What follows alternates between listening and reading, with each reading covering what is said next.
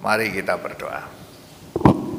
Terima kasih atas undanganmu dalam perjamuan kudus kali ini dalam rangka memperingati kematianmu di atas kayu salib. Ya Tuhan kami sangat berterima kasih karena salah satu makna dari kematianmu di atas kayu salib adalah pengampunan dosa, penebusan dosa. Oleh sebab itu biarlah pengampunan dosa yang telah engkau berikan itu juga dapat mengampuni dan menebus segala dosa dan kesalahan kami sehingga kami menjadi layak untuk menerima perjamuan ini dan menjadi berkat bagi kami semua. Sebelum kami memasuki perjamuan Tuhan, kami juga hendak merenungkan sebagian dari firman-Mu maka kuasailah hati dan pikiran kami dengan rohmu yang kudus. Supaya kami semakin mengerti apa yang engkau kehendaki dalam hidup ini. Berfirmanlah kami siap untuk mendengar dan kami naikkan doa kami hanya dalam nama Tuhan kami Yesus Kristus. Amin. Bacaan kita Markus 15 ayat 33 sampai 39. Markus 15 ayat 33 sampai dengan 39.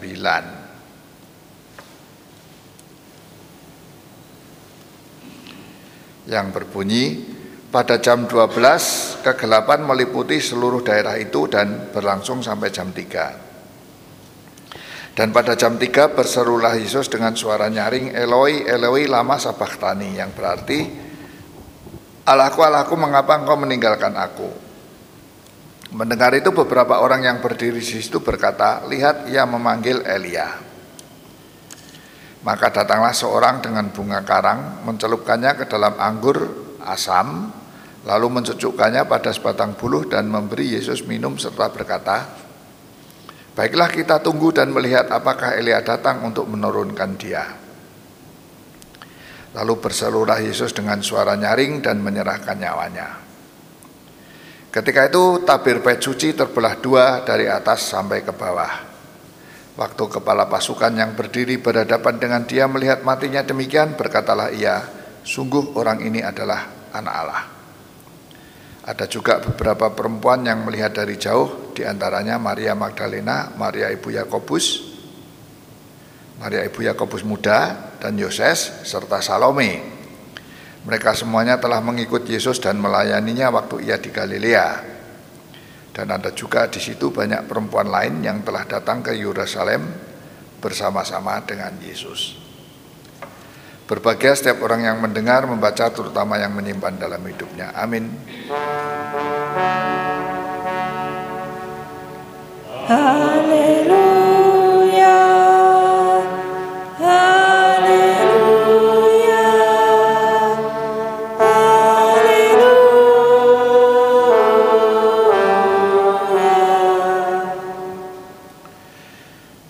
Saudara-saudara, Markus memulai Injilnya dengan kalimat inilah permulaan Injil tentang Yesus Kristus anak Allah. Nah, sudah sering saya jelaskan Injil itu iu angelion, Injil itu adalah kabar baik. Terjemahan harafiahnya kabar baik. Tetapi sering kali juga Kabar baik itu diartikan sebagai kabar gembira, baik karena membawa kegembiraan. Jadi Injil itu kabar baik karena di dalamnya membawa kegembiraan. Istilah kabar baik dan kabar gembira itu sering kali dipertukarkan ya, sering kali dipakai secara berganti-ganti. Kabar baik dan kabar gembira. Itulah sebabnya maka minggu yang lalu saya mengatakan Khotbah-khotbah saya, renungan-renungan saya belakangan ini hanya bersifat informasi, tidak pitutur-pitutur. Bukan khotbah dalam arti menasehati, pitutur, bukan, tapi hanya memberi informasi. Karena kabar, kabar gembira, kabar itu kalau diterjemahkan dengan bahasa yang modern itu informasi, kabar, informasi yang menggembirakan, kabar yang menggembirakan, kabar baik, informasi baik yang membawa kegembiraan. Itulah sebabnya saya hanya memberi informasi, memberi kabar kepada saudara dan juga dengan disebut kabar gembira ini tentu saja pada waktu itu setiap kali jemaat mendengarkan kisah tentang Yesus bergembira ya. Maka disebut kabar gembira. Ada yang berspekulasi mengapa para penginjil itu menyebut tulisannya itu Injil, kabar gembira karena mungkin setiap kali jemaat mendengarkan kisah tentang Yesus, jemaat selalu bergembira. Maka disebut kabar gembira, kabar baik. Nah, itulah sebabnya juga saya mencoba untuk kegembiraan apa yang dirasakan oleh jemaat pada waktu itu ketika setiap kali mereka mendengar kisah tentang Yesus, saya katakan mereka merasakan kegembiraan dan kegembiraan macam apa yang mereka rasakan pada waktu itu. Saya berusaha untuk melacak itu ya, mencoba untuk merenungkan kira-kira kegembiraan yang bagaimana setiap kali mereka mendengar kabar tentang Yesus ini, cerita tentang Yesus ini, kegembiraan yang bagaimana yang mereka rasakan. Dan saya berusaha untuk men-sharekan itu, membagikan kegembiraan mereka kepada saudara, supaya saudara pun mengerti dan tahu bahwa cerita tentang Tuhan Yesus itu selalu membawa kegembiraan bagi jemaat mula-mula. Dan mudah-mudahan kita bisa menyelami kegembiraan mereka itu dan ikut bergembira bersama mereka itu. Nah minggu lalu saya juga sudah berusaha untuk melacak kegembiraan jemaat ketika mereka mendengarkan tentang Yesus yang masuk Yerusalem naik keledai.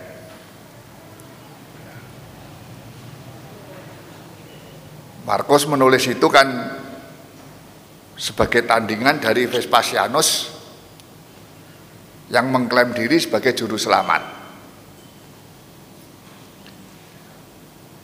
Karena sejak Nero bunuh diri itu ada tiga raja yang saling berebut kekuasaan dan setiap hari di zaman Markus demikian menurut para penafsir setiap hari di Roma itu terjadi perang sipil ya rebutan kekuasaan dan Vespasianus lah yang akhirnya menang dan meredam perang sipil itu.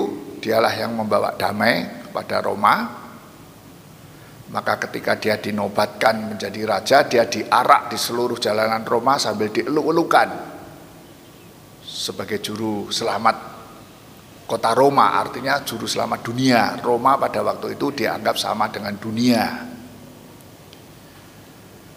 Jadi Vespasianus diarak, dieluk-elukan sebagai juru selamat dunia. Lalu Markus menulis tentang juru selamat yang naik keledai masuk Yerusalem. Dan itu membawa kegembiraan bagi jemaat karena apa? Karena ternyata banyak anggota Vespasianus itu dari tentara ya, keluarga tentara. Dan dia ketika masuk kota Roma itu ketika dia dinobatkan dan diarak di jalanan kota Roma itu dia naik kuda. Yesus naik keledai. Tapi ternyata pada zaman Nero ketika orang Kristen Vespasianus kan menggantikan Nero. Setelah Nero bunuh diri ada tiga raja yang berperang satu dengan yang lain. Vespasianus menang dan mengembalikan kedamaian. Tapi pada zaman Nero itu sudah saya khotbahkan minggu yang lalu ya. Saya tidak akan mengulang seluruhnya tapi hanya sebagian saja. Bagi yang ingin mendengarkan renungan minggu lalu sudah direkam itu bisa mendengarkan nanti di dalam rekaman ya. Jadi pada zaman Nero, waktu Nero menyiksa orang Kristen dengan maksud melenyapkan agama Kristen, banyak orang Roma yang bersimpatik dengan agama Kristen dan menjadi Kristen pada waktu itu. Jadi maksud Nero melenyapkan malah Nero menyebarkan agama Kristen. Ya, itu karya Tuhan yang ajaib itu ya. Termasuk anggota keluarga Vespasianus itu ada yang menjadi Kristen. Saya sebutkan minggu yang lalu itu Paus Clement I itu sepupunya Vespasianus. Mereka dari anggota keluarga tentara. Maka ketika saya yakin ketika Markus menceritakan tentang Yesus yang naik keledai dielu-elukan masuk Yerusalem dan dielu-elukan oleh masyarakat Hosana, Hosana jemaat yang mendengarkan cerita ini tentu saja ikut bersorak. Hosana, Hosana mereka ikut bergembira. Itu minggu lalu sudah saya ceritakan ya. Jadi itulah maksudnya setiap kali jemaat pada waktu itu ketika mendengarkan kisah tentang Yesus setiap mendengarkan kisah tentang Yesus mereka bergembira. Termasuk saya yakin ketika mereka mendengarkan kisah kematian Yesus ini mereka juga bergembira Tentu saja kisah kematian Yesus itu membawa duka yang mendalam bagi orang Kristen ya. Juru selamatnya kok menyelamatkan dunia harus melalui jalan itu disalibkan mati di atas kayu salib itu membawa kedukaan ya. Ketika beberapa jemaat melihat film Last Temptation karya Mel Gibson itu ya. Nanti bisa ditonton ya itu sekarang streaming-streaming film gratis kan banyak ya. Coba nanti ditonton Last, Last Temptation. Lah Last Temptation itu memang salah satu fokusnya itu penyiksaan terhadap Yesus. Jadi adegan penyiksaan terhadap Yesus itu dibuat sedemikian rupa, Yesus disiksa demikian rupa dengan kejamnya, sehingga waktu itu setiap kali orang Kristen melihat menangis ya, sangat bersedih ya. Orang Kristen yang mencintai Tuhannya ketika menyaksikan Last Temptation di mana adegannya ada Yesus disiksa demikian rupa, banyak yang menangis. Tentu membawa kedukaan. Nah kegembiraannya di mana? Ya tentu saja kisah tentang Yesus ini, Injil ini ditulis bukan untuk orang yang belum pernah mendengar ya. Tentu saja ini ditulis untuk jemaat Kristen yang sedikit banyak sudah pernah mendengar tentang kisah tentang Yesus. Karena Markus ini menulis Injilnya sudah saya katakan minggu yang lalu menulis Injilnya setelah Petrus dan Paulus mati. Markus ini konon katanya secara tradisional dianggap sebagai murid Petrus. Ketika Petrus dan Paulus meninggal, maka jemaat tidak punya pegangan. Selama ini cerita tentang Yesus dikotbahkan saja, tidak ada tertulis. Maka Markus takut kalau kisah tentang Yesus ini hilang, lalu dia menulis Injil. Jadi Injil ini ditulis, kisah gembira ini ditulis bukan kepada orang yang belum pernah mendengar, tetapi orang yang sudah pernah mendengar kisah tentang Yesus secara lisan. Nah, kisah kematian Yesus tentu membawa kegembiraan karena mereka mengerti bahwa kematian Yesus itu membawa keselamatan bagi dunia. Jadi di samping ada kedukaan yang mereka rasakan, kisah tentang kematian Yesus itu membawa kedukaan, mereka juga bergembira karena kematian Yesus itu membawa keselamatan bagi dunia, membawa penebusan dosa bagi dunia dan dan sebagainya. Tentu mereka sudah mengerti itu. Dan tentu mereka memaknai kematian Yesus seperti itu ya. Salah satunya. Jadi kisah tentang Tuhan kematian Tuhan Yesus membawa kedukaan tetapi membawa kegembiraan dan ini unik ya. Itulah keunikan agama Kristen. Kematian Yesus itu bisa menimbulkan dua perasaan yang bercampur dari jadi satu, kegembiraan, kedukaan dan kegembiraan menjadi satu dan itu sangat rumit. Kedukaan dan kegembiraan yang bercampur menjadi satu sedemikian rupa itu sangat rumit ya dan hanya saya kira itu hanya keunikan agama Kristen saja hanya kisah tentang Yesus yang bisa menimbulkan perasaan seperti itu.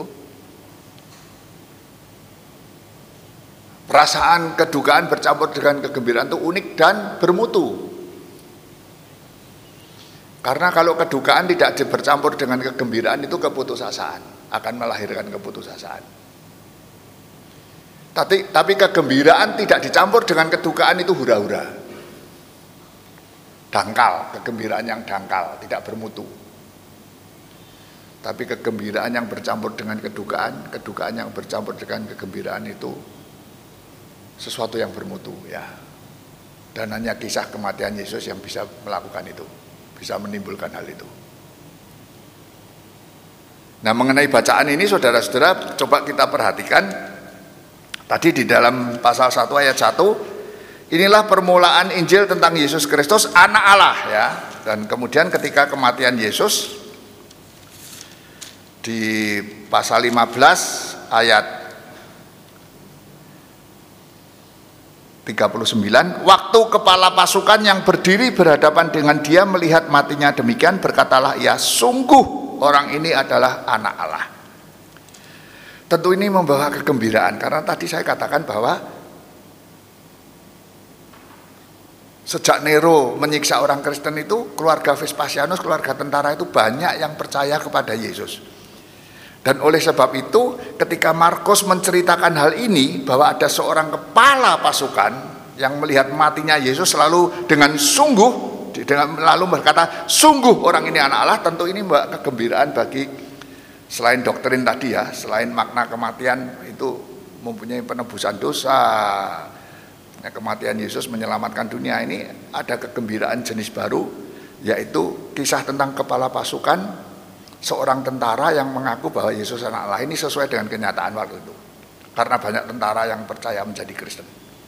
Tentu ketika Markus bercerita, waktu kepala pasukan yang berdiri berhadapan dengan dia melihat matinya demikian, berkatalah ya, sungguh orang ini adalah anak Allah. Tentu jemaat mendengar ini, haleluya, secara spontan. Ngerti maksudnya saya ya. Jadi saya hanya ingin mencoba untuk melacak kegembiraan jenis apa yang jemaat waktu itu alami. Dan itu saya sharekan kepada saudara supaya saudara juga mengerti bahwa ini betul-betul kabar gembira. Saya sendiri tadi pagi melihat para lansia itu bisa ikut perjamuan kudus, saya bergembira. Meskipun sebelumnya saya bersedih ya. Kalau mendengar lansia mengatakan, aku es pirang wulan gak iso ibadah, aku kepengen ibadah, tapi gak oleh, saya sedih. Tetapi tadi pagi saya bergembira. Meskipun kalau saya mikir mungkin minggu depan, minggu-minggu yang akan datang tidak bisa lagi beribadah, saya sedih juga. Jadi perasaan sedih bercampur bergembira itu setidaknya bagi saya mutu gitu loh. Karena sedih tanpa kegembiraan melahirkan keputusasaan. Kegembiraan tanpa kesedihan hanya hura-hura, dangkal. Dan mudah-mudahan ini bisa kita rasakan, khususnya pada waktu perjamuan kudus kali ini. Sedih dan bergembira menjadi satu, dan hanya dimungkinkan itu muncul karena kisah tentang kematian Tuhan. Amin.